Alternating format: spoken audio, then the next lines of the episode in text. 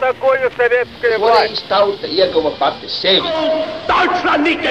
Liktenīgas nejaušības un slēptas likumsakarības, subjektīvas patiesības un objektīvi aizspriedumi. Pēc atkušņa nekad nenāk uzreiz pavasars, bet sākās Arī šodien cilvēki ir ļoti tuvredzīgi. Viņi redz to naudu, kas ir. Televīzijā jau pamatā notiek cīņa par varu. Pagātne no šodienas skatu punkta un šodienas caur pagātnes prizmu. Raidījumā šīs dienas acīm. Katru svētdienu Latvijas radio eterā Eduards Liniņš. Labdien, cienījamie klausītāji! 1871. gada 12. augusts ir datums, kad nācis pasaulē Gustavs Zemgals, Latvijas valsts otrais prezidents. Mani sarunbiedri studijā - vēsturnieki, profesors Ilgvars Butulis, labdien! Labdien! Un Latvijas Nacionālā vēstures muzeja pētnieks Toms Čikuts. Labdien. Sāksim ar personības tapšanu.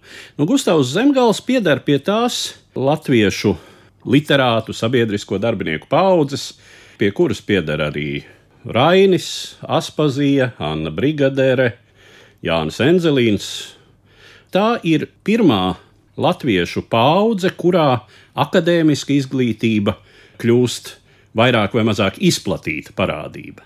Varētu teikt, ka tieši ar šo paudzi izveidojas latviešu inteliģence.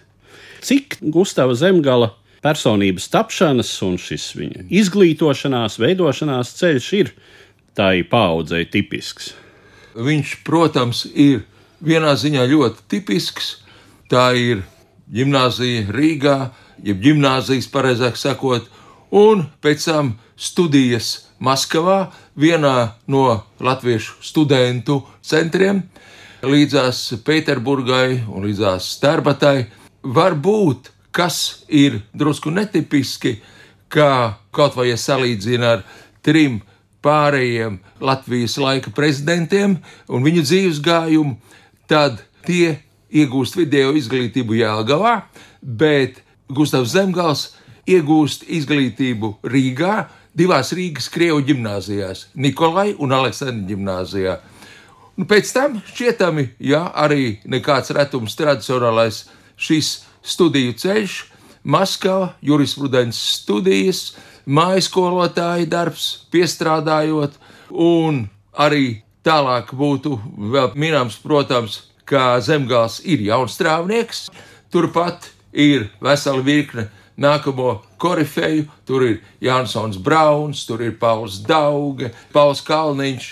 Kas ir netipiski, to es gribētu īpaši uzsvērt kā tādu, manuprāt, diezgan saudabīgu pagriezienu tieši studiju un jaunības gaitās, ka Zemgāls īsi jau pirms gala eksāmeniem pēkšņi brīvprātīgi, kā toreiz teica, savaļnieks iestājas armijā protams, nodrošināts, pārticis, sekmīgs students, arī kurš, nu, mēs varētu šodien jau teikt, tā, kurš nemētājās pa universitātēm apkārt, negatavojās uzreiz doties revolucionārās cīņās, kā to dara viens otrs. Bet eh, kāpēc tas tā? Neiedziļinoties varbūt cīkos, es varu pateikt tikai savu viedokli, ka tas ir eh, viņa elementāras, man liekas, bailes un cenšanās izvairīties no ārkārtīgi plašajām represijām. Tas, sākot no 97. gada, ilga vairāk nekā pusotru gadu. Daži devās bēgļu gaitās uz ārzemēm, citus jau e, apcietināja un tiesāja. Un man liekas, tas ir glābiņš, lai kaut kā izvairītos, iesprukt armijā. Un pēc gada jau viņš iegūst rezerves praporšķika pakāpi, un tad šis ceļš ir tālāks. Nu, tas ir tik tālu, ja mēs runājam par šo izglītības ceļu līdz tam laikam, kad sāk zemgāls darboties jau atkal Rīgā. Pie šī vēl piebilstot, es gribētu teikt, tā zemgālā, faktiski arī viņa paudzes drusku atšķirība vēl ir tā, ka ir jau gatava alternatīvā izvēle, teiksim tā. Tas ir brīdis, kad šie 870. gada sākumā, 71. un 72. gadā dzimušie stājās universitātēs. Faktiski jaunā strāva jau ir kaut kur noformējusies. Un uh, Zemgals ar brāļa lielā mērā Roberts Zemgala, kas Rīgā jau gana turīgs tirgotājs, viņam ir vairāk veikali Sarkandaugavā, Pārdaugavā, vēlāk Tērbacielā. Viņš jau tiek tā kā drusku, acīm redzot, ievirzīts jaunstrāvnieciski orientētajās aprindās un biedrībās, un uh, brālis tajās gan aktīvi darbojas. Roberts ir aktīvs Jonatānā pārdaugavā jau iepriekš pirms. Kā tas ir tas laikmets, kurā jau Latvijas sabiedriskā dzīve diezgan izvērsta. Nu, ja, teiksim, Čaksti ievada Maskavā vēl Krišāns Valdemārs ir dzīvs, un tā parasti tiek teikts, nu tas ir viņa idejiskais aizgādnis krustēvs. Tas jau ir drusku cits laikmets. Pie apvāršņa jau ir, kā saka, ļoti redzami Stučka Rainis, tātad šī vecākā, kas tomēr ir 5-6 gadus vecāka pa zemgalu šī paudze. Un tas ir jau tāds brīdis, kurā šī izvēle 90. gados sākot studēt, nu, jau ir jāizdara. Jo Maskavas studentu pulciņš tajā brīdī sašķēlies divās daļās, jau kad zemgals sāk studijas. Viena ir konservatīvāk orientētā, un otra šis jaunstrāvnieciskais pulciņš, kuram zemgals arī pievienojas. Vai var teikt, ka Gustavs Zemgals nu, faktiski visā savu mūža gaitā ir centies iet tādu zelta vidusceļu starp kreisumu un labējumu? Protams, demokrātiski noskaņots, un jebkurš demokrātiski noskaņots cilvēks cariskajā Krievijā ir potenciāli revolucionārs un iespējams pat katordznieks. Tā tad no otras puses zemgalam nav šķiet raksturīgas izteikti marksistiskas simpātijas. Es uz to atbildētu pavisam vienkārši. Man vismaz tā šķiet, ka zemgals, lietojot šo terminu kreisi, ja skatīties no šī sociāldemokrātiskās, karojošās, īstās sociāldemokrātiskās tad zemgals nav īsti kreiss.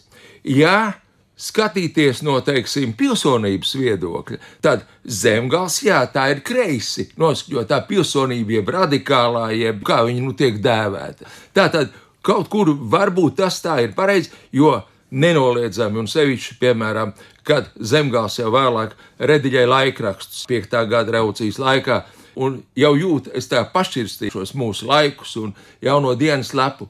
Tur ir gana arī tīri marksistiski materiāli. Un Zemgals, es domāju, viņš lieliski zina, viņš ir to pulciņos lasījis un studējis, kas tas ir. Bet, ka tā būtu viņa tā sirds lieta, protams, nē. Bet viņš to zina. Tur varbūt vēl tāds atslēgas vārds ir viņa partijas nosaukums 17. gadā - radikāli demokrātiskā. Nu, tātad tur jau kaut kādas simpātijas ir ieliktas šajā saliktenī. Radikāli demokrātiskā un vēlāk interesanti tāds formulējums ir kad dibina Latvijas darba partija jau pirms satversmes sapulces vēlēšanām, bet nu, arī faktiski tas pats radikāli demokrāta kodols. Un tad viņi saka, ka viņi esot uh, pilsoniska strādniecības partija. Tas ir, protams, tāds drusku juceklīgs uh, salikums, bet viņu tās simpātijas vai to ideju varbūt reprezentē. Un tur arī Gustavs Zemgals, es domāju, visu to darbību ir ļoti klātesošs šajā formulējumā. Un, protams, arī tas organizācijas salikums, kurā viņš darbojas, Tas ir tāds viss uz robežas. Es domāju, gan tas pats Jonatāns, gan amatnieku palīdzības biedrība. Teiksim, tie biedri, kas tur darbojas, tas pats Jonatāns. Nu, tur ir Vils Darmanis, kas ir skolotājs tajā brīdī, kad Zemgals vada šo Jonatānu biedrību. Nu, tur skaidra vai ne, ir šī komunistiskā, sociāldemokrātiskā simpātija vēlāk. Tā kā turpat jau šajā aprindās tas viss ir grozījies, bet, nu, teiksim, tās marksistiskās simpātijas, acīm redzot, zemgalam nav bijušas, un pēc tam jau interesanti, ka Pauls Dauga 20. gadu beigās Maskavā eh, referējot, laikam, komunistiskās partijas jubilejas pasākumā, zemgala tā mazliet nicīgi piemin, ka tai jaunai strāvā viņš tikai draugu ievilkts piedalījies un tāds īsts jaunstrāvnieks nemaz nesot bijis. Nu, protams, ka viņiem tas bija jāpasaka, tāpēc, ka Gustavs Zemgals tobrīd bija Latvijas valsts prezidents un nu, jānostāda viņš tajā nepareizajā pusē. Bet šajās aprindās redzams, zināms, Gustavs Zemgals vārds bija pilnīgi noteikti. Faktiski jau piektā gada revolūcija ir tas moments, kad eh, viss latviešu politiskais spektrs ārkārtīgi aktivizējas. Un tur, nu, jāsaka, ir tā, ka viss ir kopā un burtiski eh, atskaitot eh, dažus izteikti labējos, visi ir par kaut kādām pārmaiņām. Zemgalam atkal te ir tāda likteņa nobīde, varbūt no tās normas. Viņu iesauc kā rezerves virsnieku Krievu-Japāņu karā, un viņš pavada tālajos austrumos to revolūcijas pirmo posmu un atgriežas, kad revolūcija jau ir uzņēmusi apgriezienus, un tad faktiski tā viņa aktīvākā darbošanās ir jau revolūcijas atplūdu posmā, kad viņš strādā kā redaktors. Mm ka daudzi ir devušies vai nu uz ārzemēm, vai pabēguši turpat Krievijā, kaut kur trimdā, vai arī ir represēti, sēž cietumos. Tur laikam arī diezgan neizbēgami. Viņš tur izpelnas arī vienu notiesājošu tiesas spriedumu, bet nu, tas ir jāsaka salīdzinoši ar 5. gada revolūcijas atplūdu. Tām represijām no cariskā režīma puses tas ir teju vai smieklīgs, ka tur vai nu trīs mēneši cietumā, vai 300 rubļu soda naudas. Jā, jūs aizskarāt ļoti interesantu jautājumu, Līniņa kungs, un arī dažādu traktētu. Es atvainojos, es jums iebildīšu, ka lieta ir tāda, ka kaut iesaukts un mobilizēts armijā, Gustavs Zemgāls tālos austrumus nav redzējis vispār savām acīm, un tajā laikā īpaši viņš Dienrīgā Malo Jaroslavļas pulkā 116. un viņš šajā Malo Jaroslavļas pulkā ir pulka tiesas darbvedis, un drēbnieku darbnīcas pārzinis. Es arī sākumā domāju, ka viņš ir karojis, bet tā nav. Un ir ziņas, un ir avīzēs norādes, ka viņš, piemēram, Rīgas Latviešu sabiedrības atskaites sapulcē martā ierodās rezervista formā. Tas tāds varbūt interesants sīkums. Nu, šodien mēs teiktu, viņš drusku zīmējās, jau šikoja ar to formu, to avīzēs jūt. Un viņš saka, un atsaucoties uz savu oficiera mundieru, liecināja, ka būs pilnīgi bezpartijski objektīvs, bet 5. gada notikumos viņš nepiedalās. 5. gada beigās jau situācija kļūst citāda, kad viņš kļūst jaunās dienas labs redaktors, kas ir tajā laikā sakarā šīm represijām par dažādām avīzēm, un pēc tam mūsu laiki, tūlīt nākamā gadā, kas sāk izdāgt. Tātad viņa revolucionārisms ir tur un viņa ieguldījums, ka patiesi atspoguļot reālo situāciju, teiksim, represijas un visu sarežģīto laiku. Tas, protams, prasīja drosmi, nu, prasīja arī naudu. Viņš bija reizē izdevējs. Es domāju, ka šeit ir tas viņa ieguldījums un tā dalība. Un te varbūt es drusku atkāpšos, ka par zemgalu ir salīdzinoši maz nopietnu pētījumu. Katrā ziņā mazāk kā par pārējiem valsts prezidentiem. Tur ir tāds populārs zinātnisks auziņu pārskats, kas ir grāmatas formātā 2000. gada sākumā iznācis, un tad ir trimdā sarakstītais par četriem prezidentiem Andersons.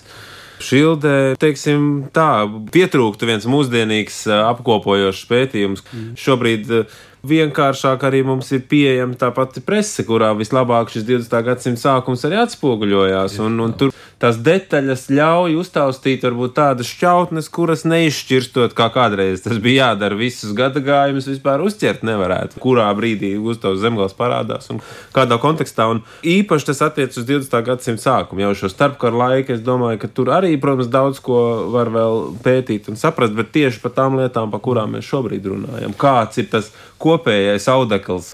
Jo tas ir ļoti interesanti un patiesībā jau tā saikne ar to, kāds izveidojas tas parlamentārais musturs tautas padomē un vēlāk tajā starpkara Latvijā. Ļoti daudz kas jau patiesībā var saprast tikai ar šo 20. gadsimta sākumu domu biedru loku, kuru mēs redzam. Nu, tie jau ir tie paši cilvēki, kas kopā ir darbojušies, šos savus kopējās intereses noformulējuši un to politisko virzienu, un tas ir pētāms jautājums. Un ne tikai tas uz zemgala attiecas, es domāju, tikpat labi arī uz čakstī, kur arī tieši 20. gadsimta sākuma tā viņa darbība, nu, būtu vēl vērtējama un pārskatām. Jā. jā, es tikai piebilstot vienu domu pateikšu, manuprāt, raksturojot šo literatūru, tur bieži vien ir tas pats attiecās arī uz šo Japāņu kara variantu. Piemēram, viens autors pasakā savā laikā, vai nu, piemēram, Andersons. No Andersons pateicis, citi jau nedomā, un atkārtojumi bieži vien tur dominē tāda, es negribu pasargt Dievs nolikt nevienu no atmiņu autoriem un tā tālāk.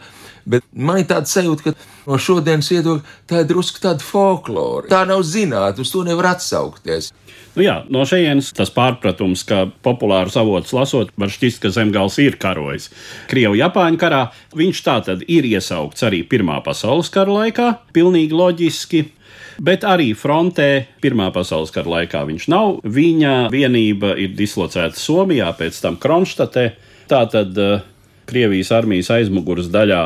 Un no turienes tad pēc 1917. gada februāra revolūcijas un pēc visiem šiem satricinošajiem notikumiem, Zemgals no armijas atvaļinās bez ekscesiem. Tajā laikā virsniekiem klājās visādi, kad jau sākas šī armijas bolševizēšanās, un vienkārši virsnieku autoritātes neievērošana. Tur, protams, pakāpeniski tas aiziet līdz pat slepkavošanām un tam līdzīgi. No zemgals ir no tā visa pasargāts, viņam izdodas saulaicīgi demobilizēties, nu un tad viņš iesaistās Latvijas valsts pamatu likšanā. Faktiski jau tā demobilizēšanās oficiāli notiek 18. gada sākumā, jo pēc tam, kad septembrī Rīga ieņem vācieši, viņš atkal pievienojas atpakaļ armijas vienībai savai. Bet 17. gadā faktiski ļoti interesanti, jo 23. aprīlī nodibināta pēc ļoti strauja visi šie revolucionārie notikumi. Mums ir šī sabiedriskā organizācija padome, ko veido pilsoniskie, tad ir šī strādnieku zaudāta padome, ko tā tad veido kreisie. Nu, un Rīgā darbs, kas tiek diezgan strauji izdarīts, ir izveidot tā sauktā pagaidu dome. Šai pagaidu domē, tad attiecīgi abas šīs institūcijas, gan pilsoniskā, gan kreisā šī padome, izvirza jaunus domniekus, šīs vecās ar tiem visiem mantas cenziem aizķēdēto vēlēšanu ievēlētās domas vietā. Un 23. aprīlī, zemgālām vēl nesot pat Rīgā, viņš tiek ievēlēts par pilsētas galvu, kas ir ļoti interesanti. Viņš ir pirmais latviešu izcelsmes Rīgas pilsētas galva visā pilsētas vēsturē. Un viņš tiek izsaukts no armijas, dabūt īpašu atvēli no 12. armijas, doties ilgākā atvaļinājumā. 30. aprīlī viņš ir Rīgā un vada pirmo domas sēdi. Vispār ar šo domas vēlēšanu procesu viņam varbūt kāpēc tieši viņš.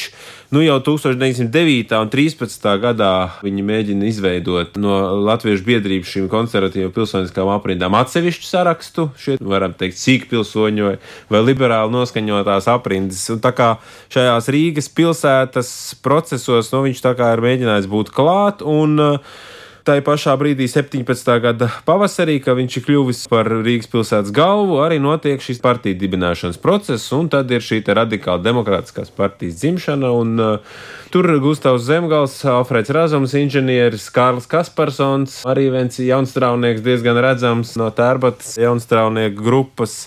Dāvids Rudzīts, vēlākais valsts kancelēs direktors, kas ir labs viņa draugs arī visu starpkaru laiku.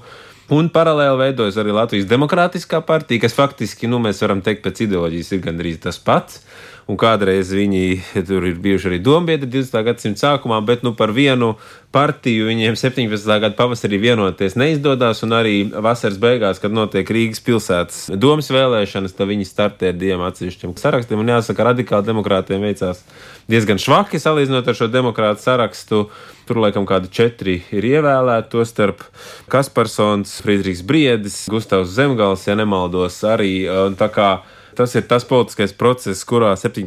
gadā Zemgals ir iekšā, un 18. gadā, kā jau teicu, tikai janvārī demobilizēts un mazliet epizodiski ir zināms, ka piedalījies arī pagaidu Nacionālās padomas darbā, bet nu, tur gan ir tā, ka radikāli demokrāti faktiski mēs jau te runājām par šo tuvību mazliet kreisajiem vai viņu atbalstīšanu katrā ziņā tādos uh, izšķirošos brīžos. Nu, jāsaka, radikāli demokrāti spriežot pēc citu partijas biedra Mārtiņa Antona izteikumiem, tad, kad ir pagaidu Nacionālās padomas veidošana tad ir tāda frāze, kas ir nofiksēta, nu, manuprāt, presē, ka radikāla demokrāta partijas vārdā Antons paziņo, ka viņi nevēlētos piedalīties Latvijas pagaidu Nacionālā padomē bez sociāldemokrātiem. Tā kā vēlreiz varbūt tas tilts un tās simpātijas, tīri politiskā spektra ziņā te parādās, bet, nu, Zemgals reiz laikam ir referējis par situāciju okupētajā daļā, kādā pagaidu Nacionālās padomas sanāksmē, tā kā kaut kur šais procesos viņš klāt ir bijis, bet, nu, sīkāk ziņu mums par to nav. Nu, un pēc tam, kad uh, vācieši ieņem visu Baltiju, tad uh, Zemgals atgriežas Rīgā, aprīlī jau vada kārtējo amatnieku palīdzības biedrības krājasdevs kases sapulci, atrodas tepat Vācu okupētā Rīgā. Un, cik var spriest pēc atmiņām, laika viedra, tad ir arī bijis viens no tiem, kas ir demokrātiskā blokā Rīgā piedalījies šajās sapulcēs tāds ir tas ceļš, varbūt līdz, līdz valsts dibināšanas brīdim. Nu, loģiski, ka tajā brīdī, kad pēc visiem šiem notikumiem Vācijā un revolūcijas un, un kompienas pamiera intensificējās faktiski šis politiskais process, tad Zemgals ir viens no tiem, kas pārstāv radikāli demokrātus un gal galā, kā mēs zinām, dod māju vietu šīm 16. un 17. novembrī jau sapulcēm, kurās tiek jau konkrēti spriests par tautas padomus dibināšanu.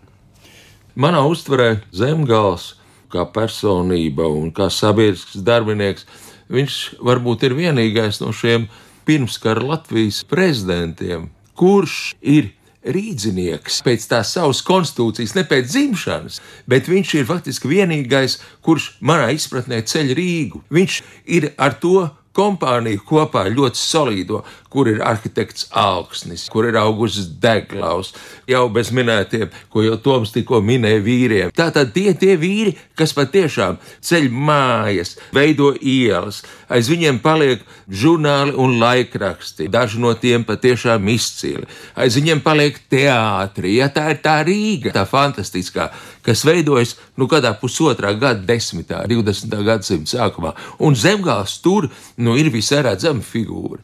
Un interesanti arī, ka Zemgals turpinot šo rīznieku amplitūdu, tad uh, viņš ir vienīgais, kuram nav arī savas saimniecības laukos, kā tas ir visiem Oh, modē. Ja, jo kviesim ir penkulē, čakstam lielsaimniecība aučos, nu, Ulmans arī, kā mēs zinām, jau uz savu rada saimniecību pikšās mēdz braukt. Un tā kā viņš vienīgais, kas konsekventi un netipisks viņš ir. Nu, jā, viņš jau bija tāds, kā gandrīz kāds franču tipa buržuā kreisais. Ienāca prātā viens arī tāds sīkums pie tā, piebilstot, ka faktiski zemgāls ir tas, kurš caur amatnieku kasi sponsorē savu tuvu līdzstrādnieku avīzēs ērmaņa pīpiņu vizuļa. Celto nāmu. Nams ir arī sveiks un vesels šodien, ģertrūdas ielā 69, 71. Un tur, kad uzceļ šo namu, tas jau ir pirms Pirmā pasaules kara, tur faktiski uzreiz dzīvo viena kārtīga riekšava latviešu rakstnieku, ieskaitot Andreju Upīti, ieskaitot Jaunsudrabiņu, kādu laiku skalbi, kas tik tur nedzīvo, tā ir īstā bohēma. Upīts nodzīvo visus 20. un 30. gadus tajā.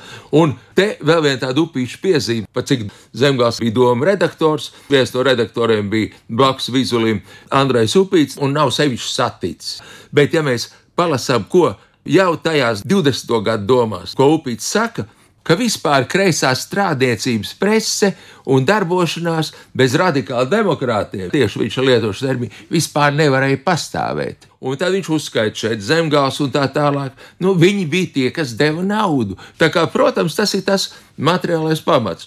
Un interesanti un tā personalizējoši, lūk, tas arī starp šo kā jūs Liniņa kungs sākumā teicāt, starp šo sociāldemokrātiju un starp šo kreiso pilsonību. Faktiski tāds moments, epizode zemgala dzīvē, biogrāfijā, kas ir teju līdzvērtīga vēlākai kļūšanai par Latvijas valsts prezidentu, ir tas, ka tieši Gustavam Zemgalam piekrīt pienākums vadīt eh, 1918. gada 18. novembra valsts dibināšanas sanāksmi. Droši vien, ka būtu vadījis Čakste, bet tur ir tā situācija, kad Nu jā, tad uh, Čaks te nav Rīgā. un, Protams, kādam no vietniekiem Tautas padomus prezidijā tas ir jādara. Un Tautas padomus prezidijs bija godīgi sadalīts starp partijām. Tāpat kā, teiksim, viena trešdaļa sociāldemokrāta, trešdaļa zemnieku savienība, trešdaļa visas pilsoniskās pārējās partijas kopā. Nu, un pēc tādas pašas proporcijas sadala arī Tautas padomus prezidiju. Nu, Zemgals kļūst kā radikāla demokrāta partijas delegāts par otro Čakstas vietnieku. Nu, droši vien, ka skujniekam, kura sociāldemokrāti pret tautas padomu, nu, kā mēs zinām, diezgan svārstīgi līdz pēdējiem brīdim, un tur nevar saprast, tad jā, tad nē, un kā mēs zinām, vienā brīdī viņi arī atvienojās no tautas padomas mazliet vēlāk. Nu, un tad tika tas gods dots, tomēr ar lielu pieredzi. Viņš gal galā bija viens no vecākajiem tautas padomē tajā brīdī, Gustavam Zemgalam kurš arī bija ar lielu pieredzi biedrības sapulču vadīšanā, acīm redzot, ar gan skanīgu balsi, tad viņš ir tas, kas arī šos vārdus paziņo, kas suverēnā vara ir pārgājis Latvijas Tautas Padomas rokās. Tas ir tas brīdis, un interesanti, mēs veidojot arī Nacionālās Vēstures muzeja izstādi, kas ir esplanādē skatām, būs līdz septembrim.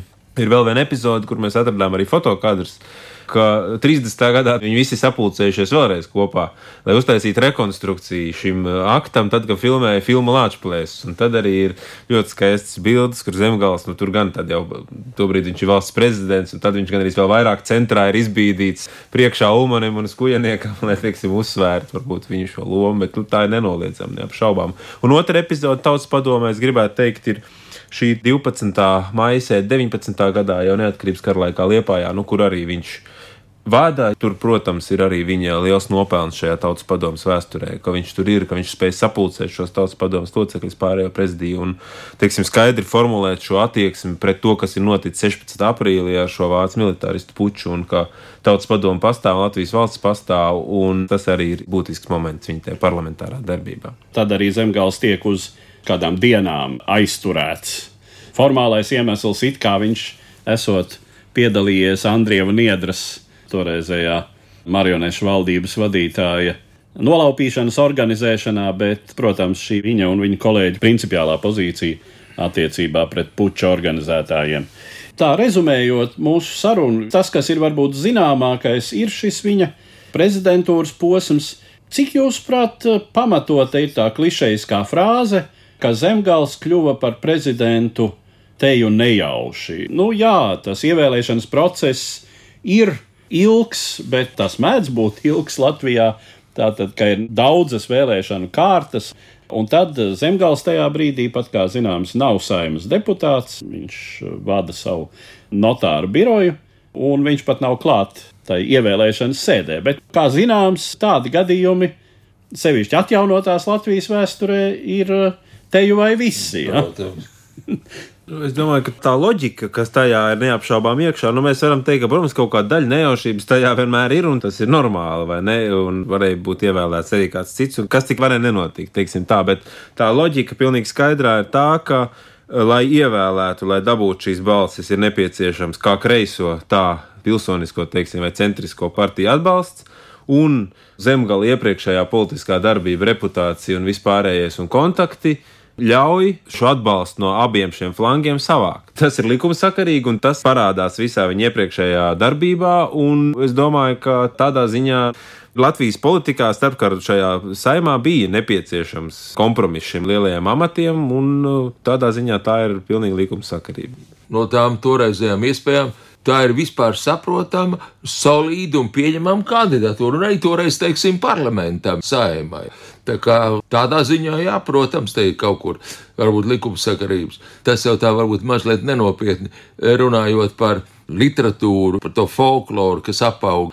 Es, godīgi sakot, neorientējos un neinteresējos par brīvmūrniecības tematiku, bet gluži nesen, jā, skatoties par zemgālu, es uzzināju, ka tas, ka zemgāls kļūst par pilsētas galvu, jā, Rīgas pilsētas 17. gadā, Tam esot pavisam vienkārši izskaidrojumi, jo Zemgāls esot latviešu brīvmūrniecības līderis un savukārt kad jau Krievijā pēc februāra revolūcijas 17. gada Krievijas brīvbūvniecības līderi ir Aleksandrs Kerenskis, pagaidu valdības vadītājs, un Rodzjanko, Krievijas liberālās pilsonības līderi. Es neko tādu nebiju sastaps, tagad sastapu tādu, jā. Protams, bez atsaucēm, kā jau viss šāda literatūra par zemgala prezidentūras laiku un dzīvi pēc tam.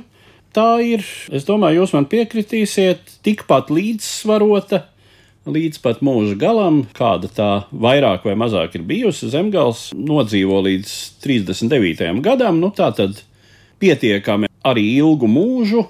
Šķiet, viņam nav nekādu īpašu domstarpību arī ar Kārli Ulmani pēc tam, kad Ulmanis likvidē Latvijas demokrātiju un kļūst par autoritāru vadītāju. Zemgals nav starp tiem, kurus šis režīms represētu. Vairāk vai mazāk neitrāla pozīcija arī šajā gadījumā. Es eh, nezinu, kāda ir tas zemgāles skatījums. Es domāju, ka ņemot vērā tās iepriekšējās attiecības, interesanti jaunākais jurista vārds arī ir veltīts Gustavam Zemgalam, un tur ir uh, raksts par uh, zemgālā priekšlikumiem satversmes reformēšanai 30. gadu sākumā. Viņš vienu tādu priekšlikumu izstrādājis, un tur viņš ļoti atklāti, un es teiktu pat tā mazliet aizskaroši, saka, ka Zemnieku savienības nu, dūmaņu virzītais projekts ir tāds, kura rezultātā varētu izperināt, kā viņš raksta mazos hitlerīšus. Nu, ja viņš šo ir uzrakstījis, es domāju, tā, tā diezgan uh, atklāta uzkāpšana uz Ulmaņa varžacīm varētu būt. Un Zemgals gal galā ir arī 4. saimnes deputāts, kas tiek 15. maijā atlaists. Uh, Baltijas Unija, kuras prezidents viņš no 33. gada pavasara tiek likvidēta, nu, tāpat kā daudz citas biedrības līdz ar Ulmaņa režīmu. Tā kā es domāju, ka nekāda pozitīvā attieksme katrā ziņā pret to, kas notiek zemgalam, pilnīgi noteikti nebija. Cita lieta ir tā, ka droši vien kā valsts prezidentu bijušo un tik cienījami politiķi. Es domāju, ka nu, tā atklāti represēt, droši vien, ka Ulmanim tas būtu pārāk tuvredzīgi. Bet eh, es pieņemu, ka tur nekādu silto attiecību savstarpējo nebija. Nu, pilnīgi noteikti. Tur bija droši vien attiecības, ka no vienas puses nelēc acīs, no otras puses lika mierā. Droši vien ar tādu rezumējumu, ka Gustavs Zemgals ir patiešām tāda ļoti daudzos procesos klātesoša un spilgta figūra, tajā pašā laikā lielā mērā iemieso šo patiešām centrisko politiku. Ar tādu secinājumu tad es arī noslēdzu šo mūsu raidījumu, kas bija veltīts Gustavam Zemgalam sakarā ar viņa dzimšanas 150. gadsimtu, un saku paldies maniem sarunbiedriem, vēsturniekiem Ilgvaram Butulim un Tomam Čikutam. Katru svētdienu Latvijas radio viens par pagātni sarunājas Eduards Liniņš.